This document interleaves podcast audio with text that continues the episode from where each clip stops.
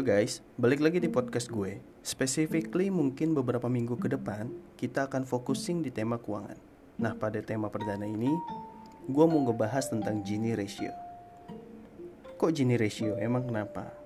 Karena menurut gue, saat COVID atau pandemik sebesar ini, Gini Ratio adalah salah satu parameter penting yang sangat harus diperhatikan untuk meminimalisir impact dari pasca pandemik itu sendiri.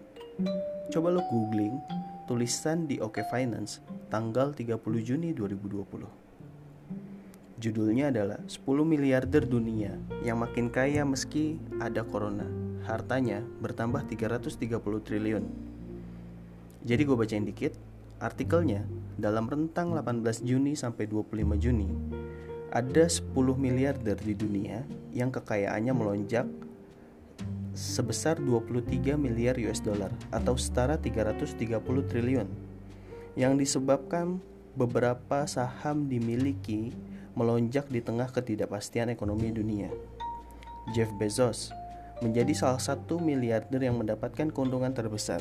Pada minggu ini saja, bos Amazon tersebut sudah membukukan 5,6 miliar USD setelah saham Amazon naik 4%. Jadi mostly yang ada di artikel ini ada 10 orang yang kekayaannya naik justru di tengah pandemik corona. Dan rata-rata semuanya bergerak di bidang digital.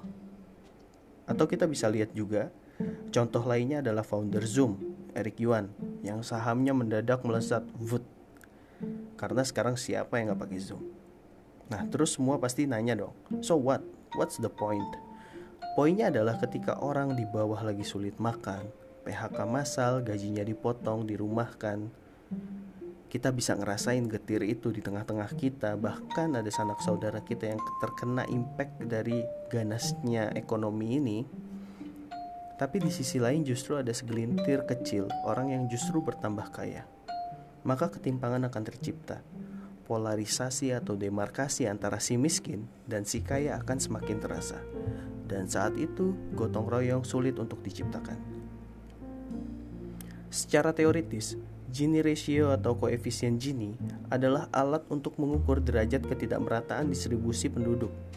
Ini didasarkan pada kurva Lorenz, yaitu sebuah kurva pengeluaran kumulatif yang membandingkan distribusi dari suatu variabel tertentu, contohnya pendapatan, dengan distribusi yang mewakili persentase kumulatif penduduk.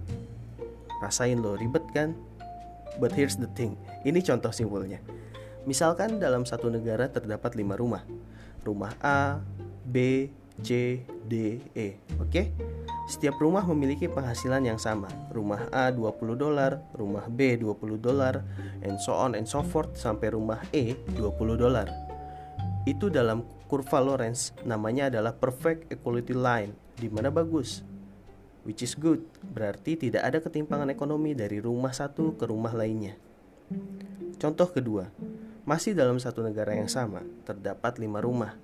Rumah A, B, C, D, E. Oke, rumah A sampai rumah D tidak memiliki pendapatan. Penghasilannya nol.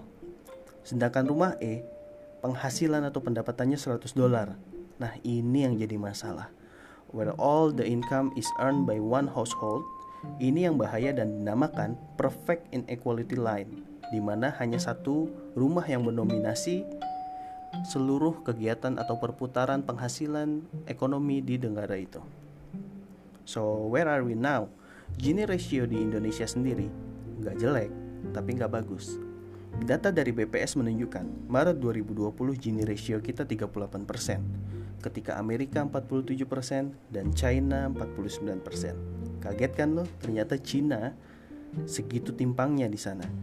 Yang bagus sendiri benchmark di bawah 30%. Tapi gue yakin setelah bansos dan bantuan dari pemerintah untuk meningkatkan konsumsi masyarakat, itu uang akan muter lagi sih. Nah, gue mau kasih kalian satu study case ketika Gini ratio atau ketimpangan di negara uh, tertentu itu sangat uh, terasa. Amerika 47% Gini ratio-nya. Coba kita lihat lagi kemarin. One case seperti George Floyd bisa menggerakkan orang sedemikian banyak karena polarisasi yang terbentuk. inequality, melebar not only inequality of welfare, tapi juga menjadi inequality of opportunities. Terus gimana di Indonesia? Gimana caranya kita bisa menurunkan Gini ratio di Indonesia?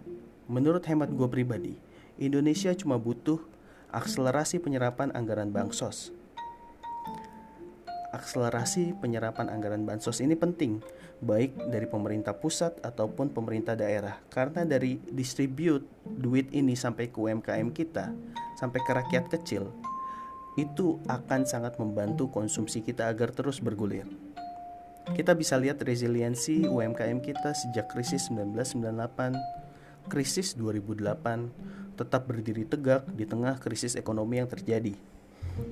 Tapi sekarang beda. Justru sekarang yang kena hit duluan adalah UMKM ini bakal fatal banget kalau nggak kita tangani dengan buru-buru. So, semoga UMKM kita tetap bisa survive dan pasti going bigger after pandemic. I hope. We all hope. Dan sekali lagi, ingat, kalau kita punya duit lebih, spending lah. Gak usah ditabung terus-terusan kali. Biar ngalir ke UMKM, bos. Asli, sebagai kaum yang di tengah dengan konsumsi kita sekecil apa pun, even lo cuman beli susu jahe merah di pinggir jalan harganya 6000 kalau kita spending real ke UMKM insya Allah kita sedang menjadi pahlawan untuk meminimalisir gap antara si kaya dan si miskin. Sekali lagi spending duit deh. Untuk UMKM untuk Indonesia kita masyarakat yang ada di tengah gak usahlah beli brand-brand uh, branded dulu mau ke mana sih Thank you guys untuk kalian semua yang udah dengerin. Ingat sekali lagi spending, spending, spending duit lo semua untuk UMKM kita. Many thanks guys. Thank you ya.